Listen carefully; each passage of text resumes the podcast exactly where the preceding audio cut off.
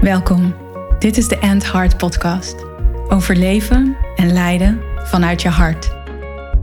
Voor vrouwelijke leiders, CEO's, managers en ondernemers. Vrouwen die impact willen maken, een changemaker zijn, grote resultaten willen behalen en hun mooiste leven willen leiden. Niet enkel vanuit ratio, logica en mind, wat je waarschijnlijk heel goed kan. En wel vanuit heart, soul en purpose jouw waarheid leven. Vol zelfliefde, vervulling en met een flinke dosis lef.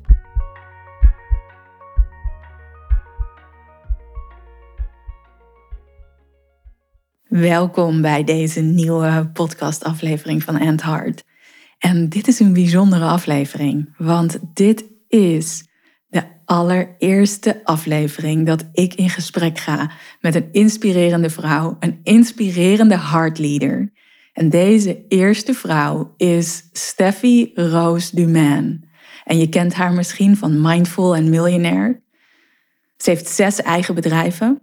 Ze is miljonair. En ik ga met haar in gesprek over haar persoonlijke heart journey over wat leiden vanuit het hart, hart leadership, voor haar en in haar bedrijf betekent. En luister en raak geïnspireerd door dit mooie, inspirerende en eerlijke gesprek. Steffi, ja, super, super welkom in uh, deze podcast. En jij bent de allereerste vrouw, hard leader, die ik interview voor deze podcast. Dus super, super welkom. Ja, dankjewel. En ja, we spreken elkaar. Het is nu tien uur in de ochtend. Hoe is jouw ochtendritueel gegaan? Ja, ik moet eerlijk bekennen, niet zo goed. maar ik, was, ik stond op en ik was een beetje keelpijn en moe en niet lekker. En toen dacht ik, nu kan ik heel streng voor mezelf gaan zijn en me wel aan een ochtendritueel gaan houden. Of ik kan nog even een half uurtje in bed blijven liggen. En ik heb daarvoor gekozen. Mm. Ik, ja, ik was altijd wel strenger voor mezelf. Dat ik echt dacht, ik wil mediteren. Ik wil even een kaart trekken. Ik wil dit doen.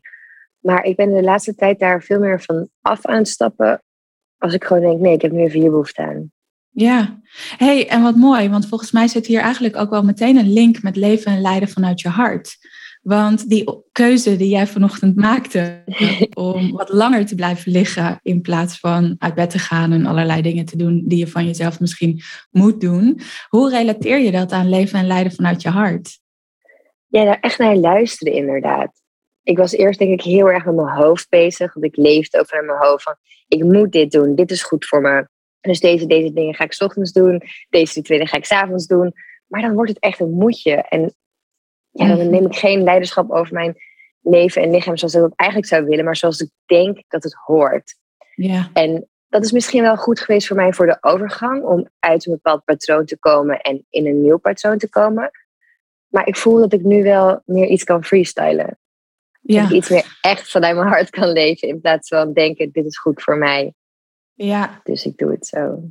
Ja, wat mooi dat je dat noemt. Want dat kan inderdaad, en dat herken ik ook wel, dat bepaalde keuzes die je maakt omtrent mediteren of andere rituelen die je hebt, dat die dan zo rigide worden, dat ze eigenlijk niet meer vanuit je hart komen en ook niet zijn wat je in het moment per definitie nodig hebt.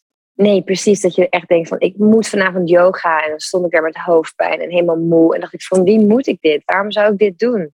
Ik had ook lekker op uh, in bad kunnen gaan. En die keuzes maak ik nu steeds meer.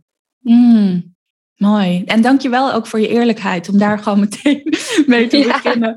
Van hé, hey, zo zag mijn ochtend eruit. En dat ja. vind ik ook mooi om dit gesprek met elkaar echt ja, eerlijk en oprecht te voeren. Van wat betekent leven en lijden uit je hart nou voor jou? En de luisteraars die zijn vast benieuwd. Steffi, wie ben je?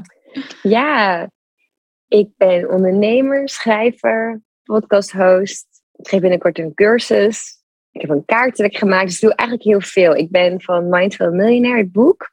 Dat is een tijdje geleden uitgekomen. En daar doe ik eigenlijk van alles omheen. Dus ik ben ondernemer, ik heb een best wel groot juridisch kantoor. Met 60 mensen in dienst daar heb ik mezelf heel erg misbaar gemaakt. Dat ik tijd had voor dingen die heel erg bij mijn hart eigenlijk liggen. Ja. En daar focus ik me nu vooral op. Ja. Ja, dus jij hebt ook wel een echte hard journey zo achter de rug. Ja, ja of zit je er ook nog in? Ik zit er ook nog heel erg in. Ja, merk ik wel, ja. ja. en... Ik weet ook niet of die ooit afgelopen is. Ik hoop het eigenlijk niet. nee, ik, ik denk het ook niet. Dat als je gaat kijken naar, hey, wat betekent leven en lijden nou uit mijn hart nou voor mij en hoe kan ik dat nog meer doen, dat dat een, een ongoing journey is. Ja. Want wat betekent het voor jou, leven en lijden vanuit je hart? Die verbinding opzoeken met, met mezelf en mijn eigen hart. En vanuit daar keuzes maken. Dus keuzes vanuit liefde, van het vertrouwen, in plaats van keuzes en leiderschap uit angst of tekorten Mhm. En dat blijf ik lastig vinden. In de zin van, ik weet dat het goed voor me is, maar ik wil ook niet lui zijn. En ik wil Ja. mezelf ook pushen en uitdagen. Dus die balans is steeds key Ja. eigenlijk om die op te zoeken. En wat vind je daar lastig aan? Omdat ik het soms lastig vind om te weten wat ik nou echt wil. Dus Mm. ik wil een bestseller van Mindful Millionaire maken. Ik wil een uitverkocht event. Ik wil een supergrote cursus neerzetten. Maar ik wil ook goed voor mezelf zorgen. Luisteren van, oké, vandaag heb ik hier behoefte aan. Dit zou maar beter dienen vandaag.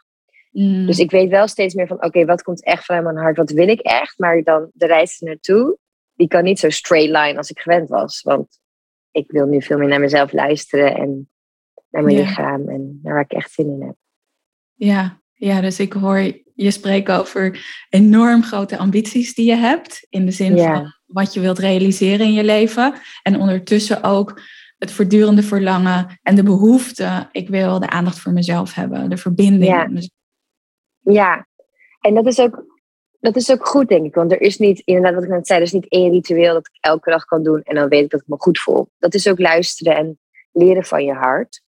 Maar ik ben al zo blij dat ik nu echt weet wat mijn hart verlangt. Dus dat ik het echt heel mooi vind om hiermee bezig te zijn, om deze missie en deze boodschap. Dus dat je spiritualiteit en zakelijke groei mag combineren.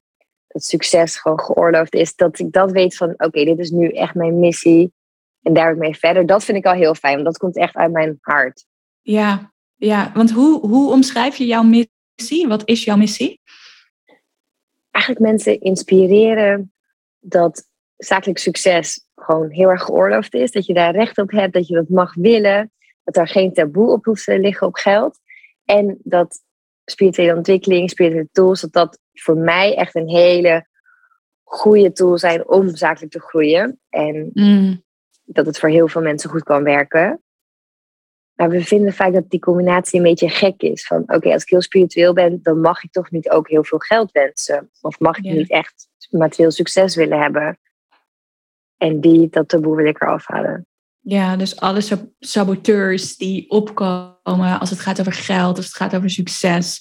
Ja, Om ja, daar op een andere manier mee om te gaan en die eraf te halen. ja, want die zijn er echt veel, merk ik. En ook, ik bij mezelf ook hoor. Denk ik, ja, waarom heb ik ook zoveel geld nodig, weet je? Maar Mhm. Ja, dus waarom heb je zoveel geld nodig? om heel veel Chanel-tas te kopen. Nee, ja, omdat ik, nee, want ik echt denk dat het heel goed is dat er juist veel geld gaat naar mensen met goede intenties. Dus die spiritueel ontwikkeld zijn, die juist die verbindenis opzoeken met zichzelf en de mensen om zich heen. Ik vind het juist mooi hoe meer geld daar naartoe gaat, hoe beter denk ik voor de wereld. Dat het als een soort olievlek zich verspreidt, in plaats van dat er meer geld gaat naar de vleesindustrie of de plasticindustrie of allemaal dingen die slecht voor ons zijn. Ja, Dus ik wil juist daarin een voorbeeld zijn van, hé hey, ja, ik ben echt verbonden.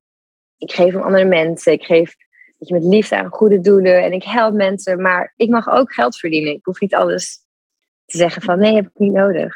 ja, ja, ik kan het alleen maar beamen wat je zegt. Dat juist wanneer je vanuit je hart leeft en leidt, dat je ook geld mag verdienen om de Ja. impact die je hebt alleen maar te vergroten en op een, ja, op een goede manier. Wat jij zegt, ook die intentie die erachter zit, waarmee mensen hun geld uitgeven, waarmee Ja. mensen keuzes maken.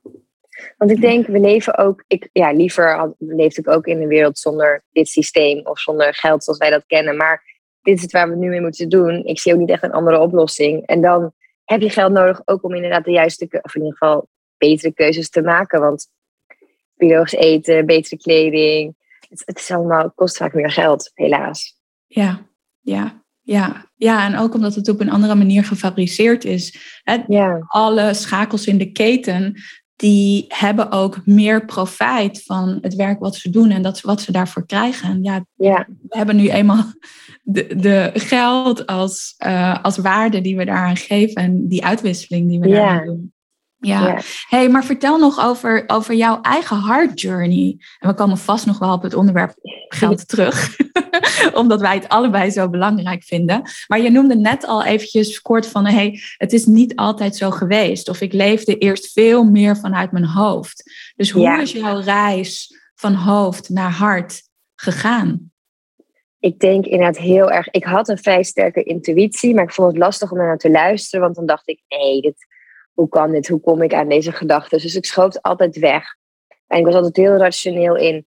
Ik wil succes. Ik wil laten zien dat ik dit kan. Dat ik een bedrijf kan, groot kan maken. Dat ik echt wat waard ben. En dat hing ik echt aan de omzet van mijn bedrijf. Dus daar was ik heel hard altijd voor aan het werken. En ik vergat mezelf totaal. Dus ik rende eigenlijk keer op keer naar een soort halve burn-out. Dat ik weer helemaal ziek op Mm. bed lag en niks meer kon. En met koorts. En dat dan drie keer in de maand. En ja, op een gegeven moment ging het eigenlijk niet meer. En ik was ook totaal niet in mijn verbinding met mijn hart. Dus zoals letterlijk de liefde bijvoorbeeld, die kon ik echt niet toelaten. Omdat ik zoveel muurtjes om mezelf had gebouwd. Dat ja, niemand kwam daar doorheen. En dat kreeg ik ook terug van mensen. Die ik bijvoorbeeld aan daten was, jongens of vriendinnen. Van wauw, te veel muurtjes. Dus ik Mhm. kon er zelf ook niet meer bij. En ik bleef maar ziek worden en moe.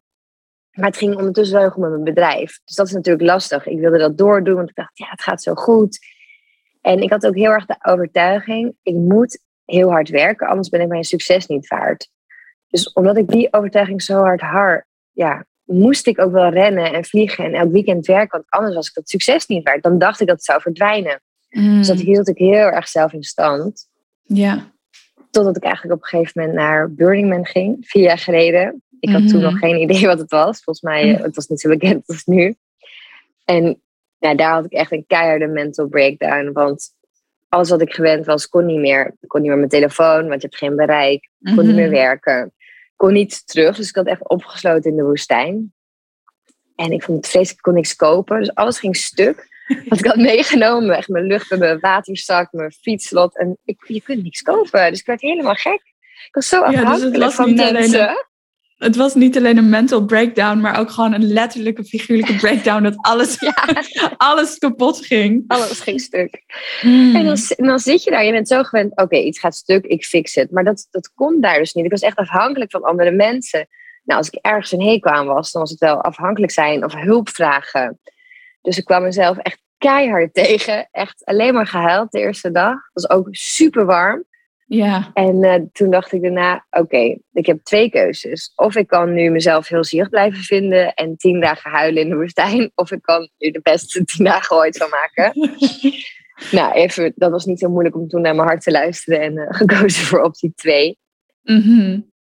En ik heb mezelf echt in het zand laten vallen. Want ik had ook een onwijze hekel aan dat stof. Want het is echt heel naar stof. En ik, kon er niet, ik werd helemaal kriegel van. Ik dacht, oké, ik ga all in. Ik gooi mezelf in dat stof en ik zie het wel.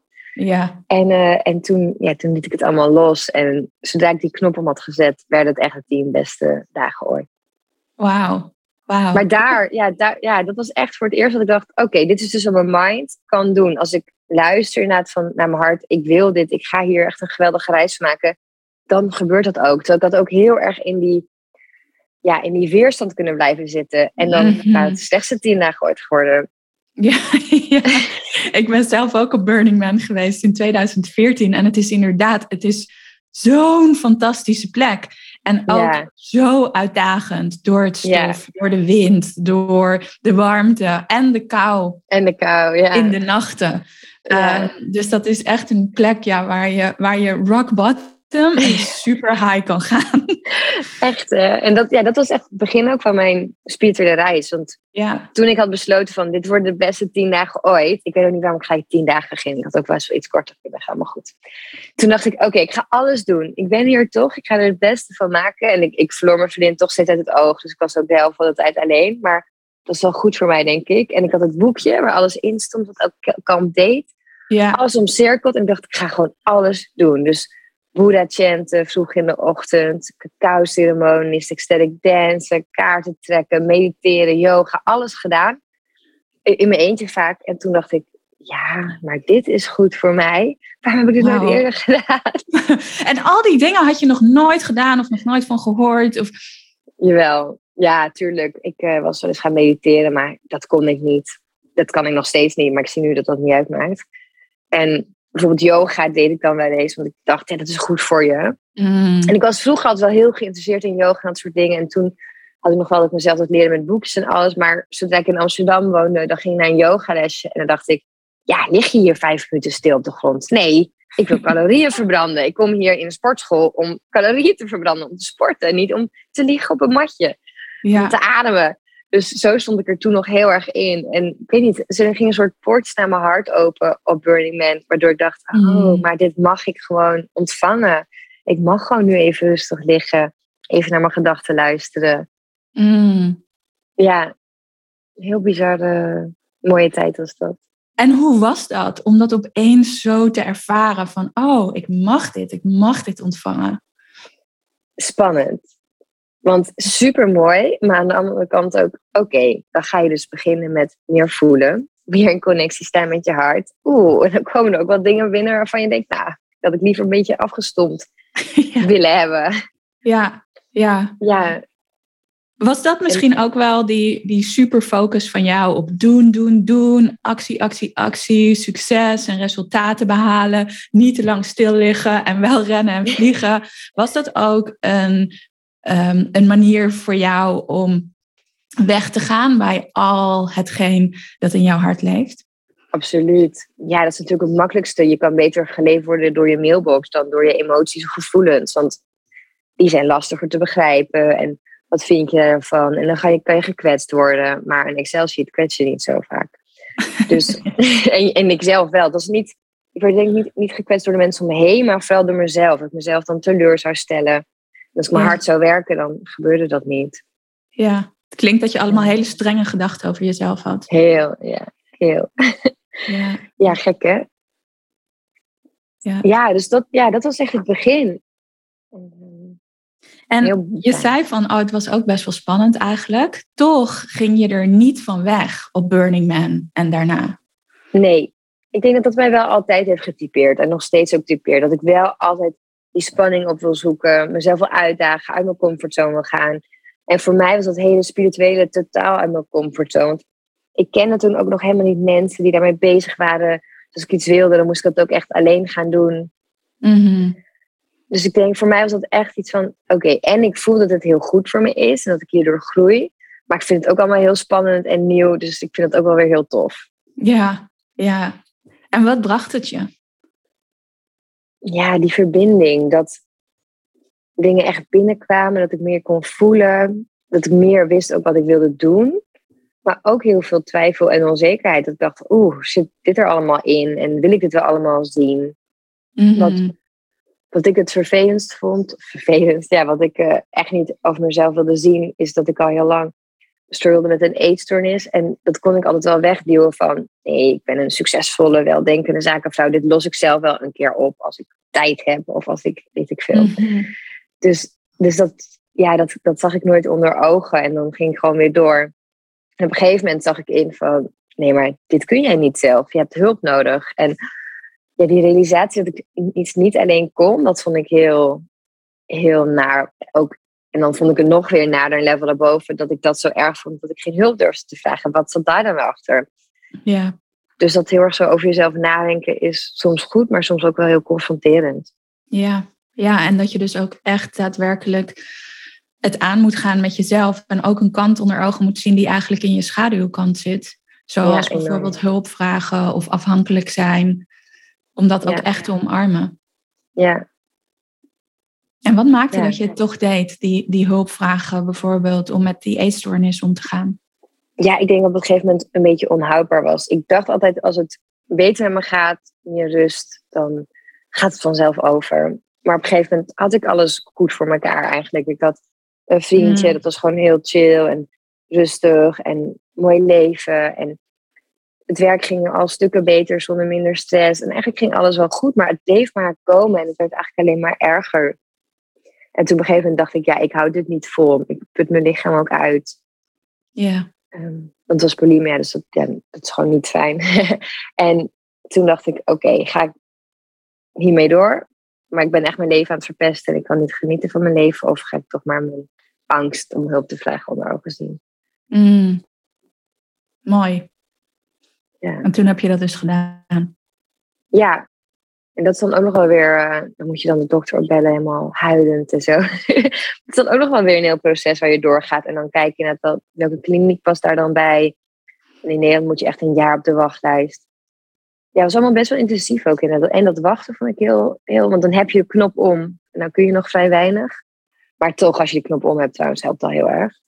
Ja, en toen therapie was ook een half jaar. Dus ik heb daar ook wel een paar maanden dat ik maar één dag per week werkte, dat ik een soort van sabbatical had genomen.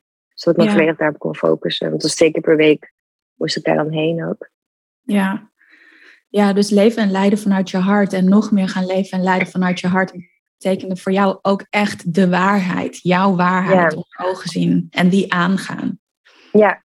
ja, precies. En dan ook erkennen van dit is nu wat ik echt wil. En wat ik voel dat ik nu nodig heb. Oké, dus dan zet ik werk even op de tweede of derde plek in die zin misschien. Zodat ik me kan focussen op die therapie. Hoe moeilijk dat ook vond om aan mezelf toe te geven. Maar ik dacht, ja, het is wel nu of nooit in die zin. Ik moet nu wel echt wat gaan doen.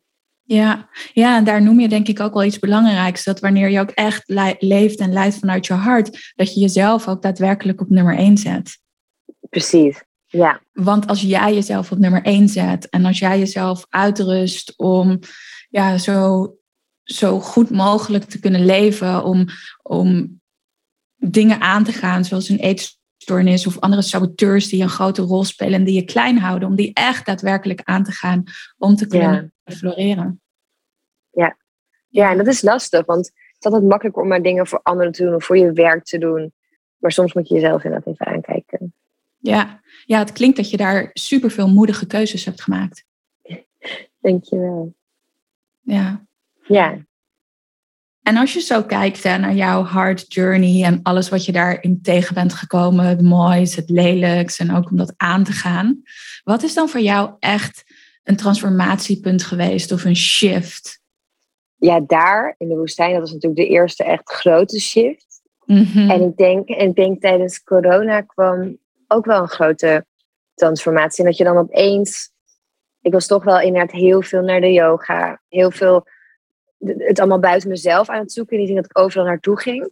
En toen opeens zat ik binnen. En ik ben heel extravert. Dus dat vond ik heel lastig. Dat ik mezelf niet meer zo kon opladen met andere mensen. Maar daardoor was het wel een goede les voor mij om te kijken van... Oké, nu zit ik hier echt helemaal mezelf aangewezen. Ik was ook net single. Of een paar maanden. En dan denk je van...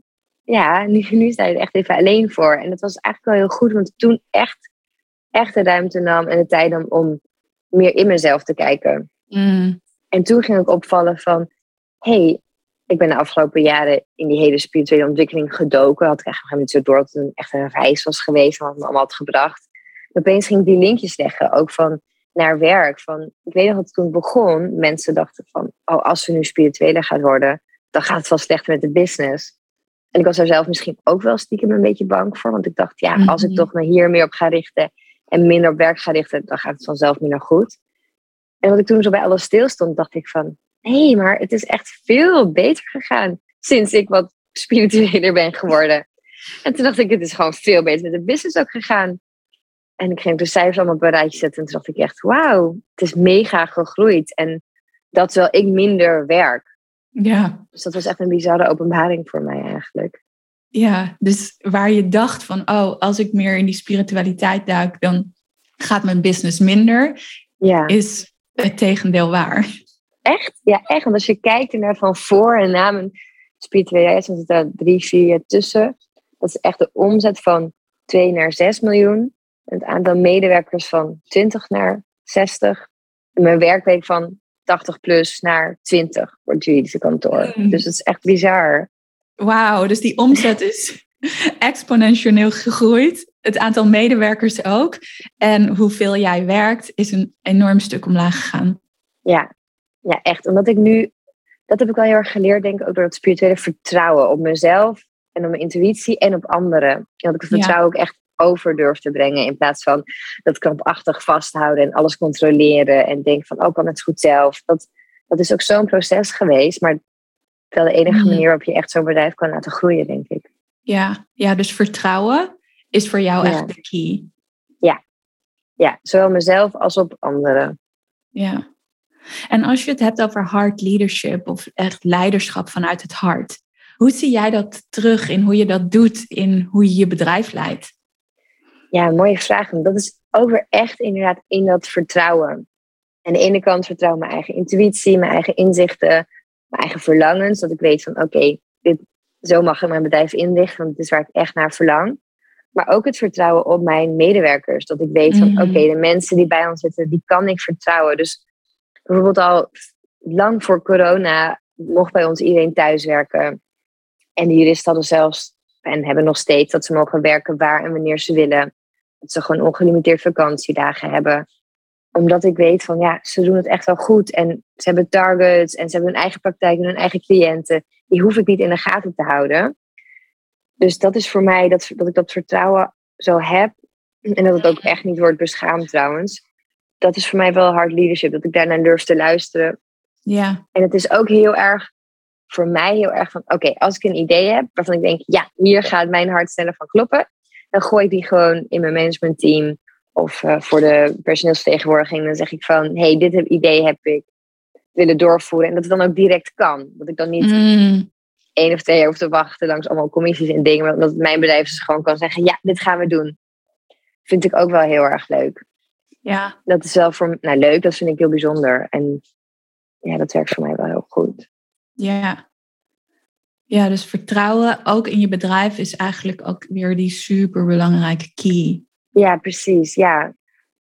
En het is soms lastig om, om naar te luisteren. Dan denk je, ja, want alle mensen zeggen van, zou je dat nou wel doen? Dat iedereen altijd maar overal mag werken en thuis mag werken. Maar dan denk ik van, ja, ik, ik vertrouw ze gewoon. Dus ik ga het gewoon doen. En dan moet ik ook op mijn eigen orde vertrouwen dat het dus gewoon goed kan gaan. Ja, ja, en het klinkt ook, want je noemde al eerder in dit gesprek van mijn intuïtie is eigenlijk altijd sterk geweest, of dat innerlijk weten. Ja. Dat je dat hier dus ook nog veel duidelijker durft in te zetten. Ja, ja precies. Want ook, dat vond ik ook wel een mooi voorbeeld tijdens, tijdens corona. Toen ging het veel minder met de business, want het was natuurlijk niemand meer op de weg. En wij helpen vooral veel mensen met verkeersongevallen. En toen dacht ik, ja, wat nu? Ik wil echt geen mensen laten gaan. En dat zag ik wel veel bij concurrenten gebeuren. Ze dachten, ik moet iets doen om meer cliënten toch nog aan te trekken. Ook al ja, gebeurde veel minder ongelukken. En toen voelde ik heel sterk dat ik al een tijdje een extra kantoor wilde openen. En toen dacht ik, ja, nu is gewoon het juiste moment. Ook al druist het tegen alles in, want het gaat veel slechter natuurlijk met de business.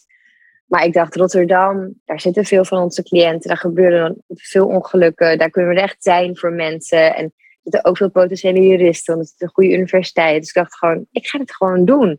Ook al is het het meest onlogische moment, ik voel gewoon dat we dit nu moeten doen. Mm. En dat hebben we ook gedaan. En daar zit nu een supermooi team. En ze zijn gewoon tijdens corona geopend. Maar dat ging allemaal heel goed. Ja. En ja, daardoor denk ik toch wel weer ook veel cliënten aangetrokken. Veel meer mensen kunnen helpen. Dus uiteindelijk wel een goede keuze. Maar op zo'n moment heel spannend, omdat het zo niet klopt eigenlijk, rationeel gezien. Mhm. Maar ik dacht, nee, dit voelt gewoon goed. Ja, wauw, dit is echt een mooi voorbeeld van een keuze vanuit hartintelligentie. Omdat ons hart, en jij hebt ook een van de courses ooit bij mij gevolgd, hè, dat ons hart weet al wat er gaat gebeuren. En we vangen al informatie op via ons hartmagnetisch veld. En dit is zo'n mooi voorbeeld dat alle ratio-vlaggen wegwijzers, die wijzen eigenlijk een andere kant op. En dat jij gewoon voelde, hé, hey, dat kantoor openen in Rotterdam, dat gaat gewoon een goede keuze zijn. Ja, ik had er gewoon ook zoveel zin in. Ik, want dat was het ook. Ik dacht, ik moet weer even wat nieuws doen. Want het is nu zoveel negatieve energie, omdat alles een beetje minder gaat. Ik dacht, nee, ik wil gewoon weer iets nieuws en iets goeds doen. Ja. ja Wauw, dus, dus je hebt echt ja, daarin je hart gevolgd. Echt, ja. Maar ik moet dus zeggen dat ik dit ook altijd wel dus had voordat ik spiritueel werd. Want ik weet nog heel goed dat toen ik een kantoor ging huren in Amsterdam, had ik twee opties. En één was een best wel klein kantoor, we waren toen met drie mensen of zo. Dus dat had prima gekund, dat we ook nog kunnen groeien. En één was echt een groot kantoor waar echt wel twintig mensen in konden zitten. Maar ik dacht, ja, dit kantoor wil ik. En iedereen mm verklaarde me voor gek van, Steffi, dan zit je hier vet lullig, weet je, met een paar mensen. Het ziet er toch niet uit en wat ga je met die lichtstaande ruimtes doen? Dus ik zei, nou eerst verzin ik wel een soort deal dat iemand anders daarin gaat zitten die ons kan helpen met teksten schrijven of zo was dat. Ik zei, maar dit, dit zit zo vol joh, dit gaat zo goed, dit komt helemaal, mm. dit komt helemaal goed, dan hoeven we niet weer te verhuizen. Nou, en letterlijk nog geen jaar later zijn we al naar een andere verdieping verhuisd omdat het niet meer paste. Ja, ja, dus dat heb jij echt gemanifesteerd. Ja, je visualiseerde het al en het werd de waarheid. Ja, en ik voelde gewoon zo sterk. Nee, dit kantoor, dit past bij ons. Dit heb ik nodig. Hier moeten we zitten. Dit klopt gewoon qua licht, qua ruimte. Ik moet hier zitten. En de rest inderdaad manifesteer ik inderdaad wel bij.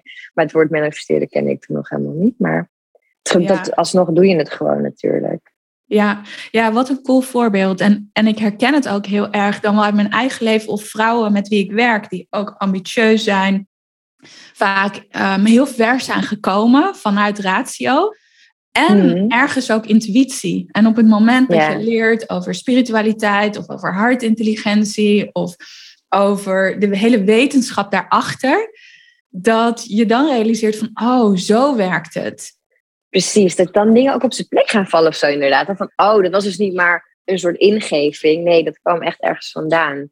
Ja. ja, en wat ik ook heel erg geloof is dat als je weet hoe het werkt...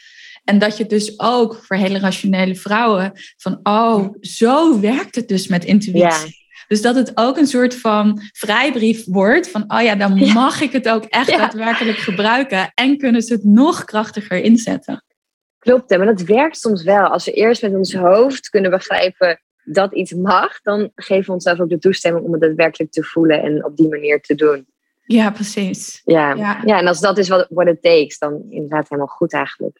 Ja, ja, en je noemde net ook al eventjes hè, jouw medewerkers en hoe je daarmee omgaat, ook echt vanuit, vanuit je hart en hart leadership. Wat is jouw impact op jouw medewerkers, op de mensen met wie je werkt? Ja, goede vraag.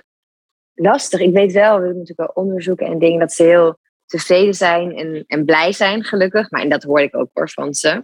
Ik sta best wel dicht bij ze. Maar ik denk de impact is vooral dat zij echt mensen kunnen helpen. En dat vind ik wel mooi bij ons. Je helpt mensen natuurlijk heel erg direct. Want we werken met letselschade slachtoffers. Dus iedereen heeft een ongeluk gehad. Bijvoorbeeld op de weg of in een ziekenhuis of op werk. En dan kom je gewoon in een hele gekke periode. Want niemand heeft dat ooit eerder meegemaakt. En dan zit je opeens helemaal zo'n juridische molen. En daar helpen onze juristen ze bij. En ja, die impact die wij dan hebben, is dat zij ze echt kunnen helpen, echt met ze mee kunnen denken, ervoor ze zijn.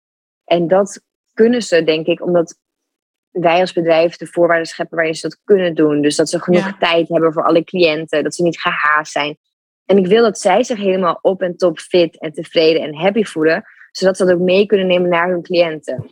Dus daar zorg ik eigenlijk bij alles van. En dat zijn kleine voorbeelden zoals dat ze een sportabonnement krijgen of stoelmassages. Maar ook de grotere dingen, zodat ze geen te volle praktijk hebben. Zodat we echt naar ze geluisterd worden. Dat we heel transparant zijn. Dat ze een goed gevoel bij het bedrijf hebben. Dus eigenlijk in alle keuzes die ik doe, denk ik aan hen en hun ja, wellness en hun well-being.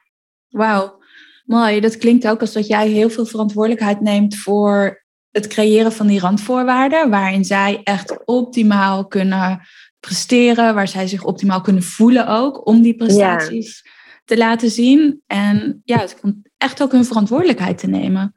Ja, precies. En uh, dat vind ik ook wel heel erg. Voor mij is hard leadership ook dat ik mijn eigen verantwoordelijkheid neem en het vertrouwen geef. En dat verwacht ik van hen ook, dat zij krijgen mijn vertrouwen. En zij nemen ook hun eigen verantwoordelijkheid. En zo, dat is ook die wisselwerking die denk ik heel goed werkt. Omdat ik hen vertrouw en ze dat geef, maak ze ook geen miswerk van en ontstaan er juist super mooie dingen. En dat, dat zie ik nog wel eens bij andere werkgevers of hoor ik van mensen van ja, ik krijg dit niet van mijn werkgever. En dan, ja, dan word je een beetje een klein kind, weet je. En dan ga je juist de randjes opzoeken en denk van ik doe niks extra's, want ik krijg het niet terug. Ik denk juist als je heel veel geeft, mm -hmm. mensen ook weer heel veel teruggeven. Ja, ja. En het is ook veel leuker. Ik vind het werk daardoor veel leuker wat ik doe. Dus het is ook, ja. Ja, ja, dat is, dat is ook heel veel leuker. En ik denk inderdaad dat je daar een belangrijke noemt. Wat ik zelf ook zie bij bedrijven waar ik veel ben geweest. Dat er soms ja, vanuit wantrouwen wordt gehandeld. Of dat mensen niet hun verantwoordelijkheid nemen. En als bazen niet hun verantwoordelijkheid nemen, dan doen mensen dat daaronder ook niet. Dus dan wordt het een wisselwerking die tegenwerkt. In plaats van dat je met elkaar een wisselwerking creëert die floreert. Ja. En het hart speelt daar een essentiële rol in. Of hart leadership. Ja, inderdaad, dat je ook ziet. Inderdaad, ik bedoel, je medewerkers hebben ook een hart. Dus die denken precies, weet je, die hebben precies hetzelfde. En als je dit dat respecteert, dan wordt het volgens mij veel mooier dan dat je ze gewoon maar ziet als werkende hoofdjes die gewoon hun taak uitvoeren. Ja, ja dus hier is die verbinding ook weer mega belangrijk. Ja, ja echt. En ik denk dat ik eerst altijd heel erg bezig was met hen, om hen zo goed mogelijk te laten floreren. En pas na een tijdje inzag van, oké, maar ik moet ook om mezelf gaan denken en die met mezelf opzoeken. En sinds ik dat gedaan heb, werkt dat natuurlijk ook veel beter op werk. Ik had helemaal niet door hoe zo'n impact of invloed ik had op het werk. Dus toen ik heel sterk voor mezelf zorgde en heel gestrest was, dan spreidt zich dat natuurlijk over op de medewerkers. Maar die, dat, dat verband, dat had ik niet zo door eigenlijk. Ja, ja want we communiceren continu via ons hartmagnetisch veld. En dat gaat veel verder dan de woorden die we gebruiken. Maar de energie die we uitstralen, die pikken mensen op. En ja, daar ontstaat een wisselwerking. Ja, ja, en dat was, ja, dat was ik me echt niet van bewust. Maar ik zie nu echt die shift die heeft plaatsgevonden. Eigenlijk gewoon met mij mee. Het is zo mooi om te realiseren. Ja, en zo mooi ook hoe jouw persoonlijke reis met al die dingen die je daarin bent tegengekomen, hoe die dus ook reflecteren in je bedrijf. En vooral dat het dus ook heeft bijgedragen aan een enorme groei in je bedrijf. Ja, juist eigenlijk aan mijn succes. Terwijl je denkt van, oh, je wordt minder succesvol hoe meer hippie je wordt. Maar dat is dus echt totaal niet waar. Of hoeft niet daar te zijn. Ja, ja. ja tof. Hey, en we hadden het er al even over gehad, uh, dat thema geld, eerder in ons gesprek. En jij bent miljonair met dit bedrijf. Of eigenlijk zijn het meer bedrijven zelfs hè, die jij hebt. Ja, maar één is de grootste. En één is de grootste, ja. Maar je bent miljonair. Hoe relateer jij dat aan leven en leiden vanuit je hart? Mooie vraag. Ik denk dat het bij mij vooral het resultaat daarvan is. Ja. Ik denk dat ik hier niet had gestaan als ik niet ja, leefde en leidde vanuit mijn hart. Want dan was ik al lang omgevallen en het bedrijf dus met mij. En dat weet ik nog heel goed. Dat was ook wel echt een shift dat uh, meerdere mensen in dezelfde week tegen mij zeiden van... Goh, je moet echt goed voor jezelf zorgen. Want als jij omvalt, dan heeft het bedrijf allemaal te leiden. Dat valt eigenlijk met jou mee. En toen dacht ik, oh ja, ik ben mijn bedrijf. En hoe meer ik die verbinding opzoek met mij, mijn hart en mijn, mijn idealen, hoe meer ik dat uitstraal en hoe beter het gaat eigenlijk. Mm. En dat had ik nooit zo door. En dat vertaalt zich dan uiteindelijk ook weer in geld. Dat is waarom het zo goed gaat met het bedrijf. Ja. ja. Ja. Ja, dus goed voor jezelf zorgen. Echt luisteren naar je hart. Luisteren, Zorg ervoor dat dat geld ook kan flowen in je leven en in je business. Ja, want het is natuurlijk heel cliché, maar ik zie geld wel als energie nu echt. Dat het gewoon mag stromen en alle kanten op gaat, dat ik mag ontvangen en mag geven. En ik zag het eerst vooral als een, ja, een soort uiting van, van oké, kijk, ik kan niets, ik ben dit waard, maar zo zie ik het nu niet meer. Ik zie het nu als inderdaad een soort kroon, als een soort energie, een kerst op de taart van, oh wauw, dit gebeurt er allemaal en die geld, is, het geld is daar een afspiegeling van. Maar het heeft niks te maken met mijn zelfwaarde. Ja. Dat is al een hele grote stap geweest. En ook dat ik het gewoon waard ben. Dus ik vond het bijvoorbeeld heel lastig. Toen had ik wel het geld. En ik dacht van, ja. Ehm, dus ik heb laten zien dat ik het kan. Maar vervolgens wilde ik het zo graag vasthouden. Dat ik het niet durfde uit te geven. Want dan dacht ik, ja, dan verdwijnt het weer. Dus mm. ik, ik deed er helemaal niet zoveel mee. Ik sliep alsnog op brakke hostelbedden. En ik durfde geen biologisch eten te kopen. Want ik dacht, ja, dan gaat al het geld weer weg. Dus ik was zo krampachtig met die dat vasthouden. Dus ik had een hele gekke relatie met geld, omdat ik dus totaal niet verbonden was met mijn hart. Ja, ja dus het klinkt dat dat hier vertrouwen ook een heel belangrijk thema is geweest. Ja, ja vertrouwen dat geld inderdaad van je af mag gaan en vanzelf weer terugkomt en dat het mag flowen. Ja. En dat je dus ook uit mag geven dat je dat waard bent. Ja. ja, en ik kan inderdaad alleen maar beamen wat je zegt, omdat eh, er zijn best wel wat saboteurs rondom leven en lijden vanuit je hart. En je noemde het eerder ook al dat je dan geen geld mag verdienen of dat geld vies is of dat geld slecht is. Terwijl in essentie gaat het zo over, ben ik het waard om die energie te ontvangen. En hoe meer je jezelf waard voelt, hoe meer zelfliefde je hebt, hoe ook die liefdevolle en waardevolle energie van geld naar je toe kan stromen. Ja, ja, absoluut. Ja, en dat is en ook... hoe ga jij om met die saboteurs die er zijn? Ze echt onder ogen kijken. Dus denken van, hé, hey, waarom denk ik nu zo over geld? Waarom vind ik het lastig om dit aan mezelf uit te geven? Wat vind ik dit waard? En heb ik het ervoor over? En het gesprek ook aangaan. Dus er praten ook wel over met mensen van, ik vond het altijd heel lastig om geld uit te geven. En hoe we dat dan nu doen. Om daar ook eerlijk mm. over te zijn. Ook op mijn Instagram bijvoorbeeld ben ik daar ook wel eerlijk over. Van waar ik nu geld allemaal aan uitgeef. En hoe ik daarvan geniet. Maar dat ik dat eerst echt niet kon om ook dat gesprek te openen met andere mensen. Dat helpt me ook elke keer weer. Om verhalen van andere mensen te horen. Ja. ja. Ja, en mooi. Want voor mij zijn heart leaders ook mensen die leiden door zelf het voorbeeld te zijn. Mm. Ja. Echt een role model te zijn. To lead by example. Ja. ja, dat probeer ik steeds meer inderdaad. Want ik vond het lastig om dat te laten zien. Want dan dacht ik, ja, dat is toch arrogant. Of dan, wat denken mensen ervan? Maar dat probeer ik nu inderdaad van me af te laten glijden. Die mm. saboteurs weer, die daarop zitten. Ja, ja. En hoe breng je het nog meer de wereld in?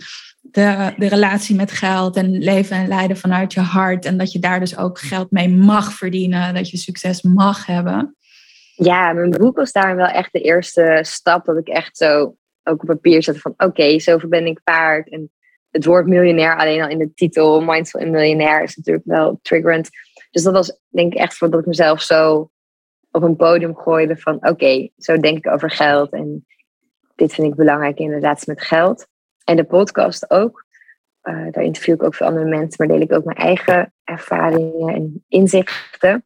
En ik ben nu bezig met een cursus die echt ook daarop ingaat op onze relatie met geld, over dat we geld mogen verdienen, dat we succes mogen wensen en daar helemaal voor mogen gaan. En hoe je dat dan ook op een spirituele manier kunt doen, dus op een zachte manier, zonder alleen maar heel mm. hard te willen trekken. Ja, dus die cursus Mindful Millionaire, die komt er binnenkort aan, 15 november. En ja, daar gaan we echt waar, nog verder dan het boek, nog meer de diepte in door allerlei opdrachten. En ik ga er ook meditaties bij geven. Dus dat, dat, heb ik wel altijd heb ik wel live veel gedaan maar nog nooit zo in een cursus. Dus ik heb wel zin om dat voor veel meer mensen nu in één keer te gaan doen. Ja, maar ook eens kijken wat voor energie dat bij ons allemaal teweeg brengt. Dat we dat echt collectief kunnen laten stijgen. Ja, daar heb ik echt, dat wordt echt magisch, denk ik. Mm, cool. Dus dat is echt, echt een manier waarin jij ja, alles wat je hebt geleerd in jouw eigen persoonlijke reis, in je persoonlijk leven, in je business, dat je dat deelt met ja. mensen die meedoen aan die course. En waar ik ook echt super eerlijk ga zijn, want het is op een besloten Instagram-account en het is alleen maar voor de mensen die hier echt bij willen zijn. Dus niet, weet je, niet random in alle Instagram-followers. Dus ik ga het voelen dat ik daar heel veel opener mag zijn. Dat ik mhm. echt alles mag delen wat mensen vragen. Dus ja, daar heb ik wel heel veel zin in. Omdat, uh, ja, dat wordt echt weer een nieuwe stap in de hele Mindful Millionaire tak.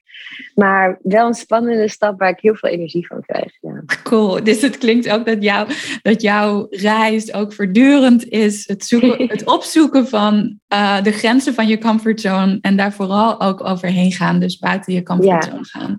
En dat het allergrootste uh, moment daarin is geweest toch wel dat uh, moment op Burning Man, waar gewoon alles buiten je comfortzone was. ja. ja, absoluut. Ja. Ja. ja. nu zoek ik er meer zelf op. Daar werd ik erin gegooid en nu zoek ik meer zelf de, ja, waar ik mijn comfortzone weer kan buiten treden op. Ja, ja, en het is zo'n dooddoener. Hè? The magic happens out of your comfort zone. En het is zo super waar. Ja. daar ja, juist echt de magie te beleven is. En ja waar ik heel erg in geloof en waar hartintelligentie of hard leadership ook over gaat, is dat wanneer je echt verbindt met jezelf, wanneer je echt verbindt met je hart, daar vind je die moed, daar vind je die courage om daadwerkelijk de keuzes te maken, om jezelf te laten zien op je meest authentieke manier of op een heel eerlijke manier, zoals jij net zei, zoals je in je course wil doen.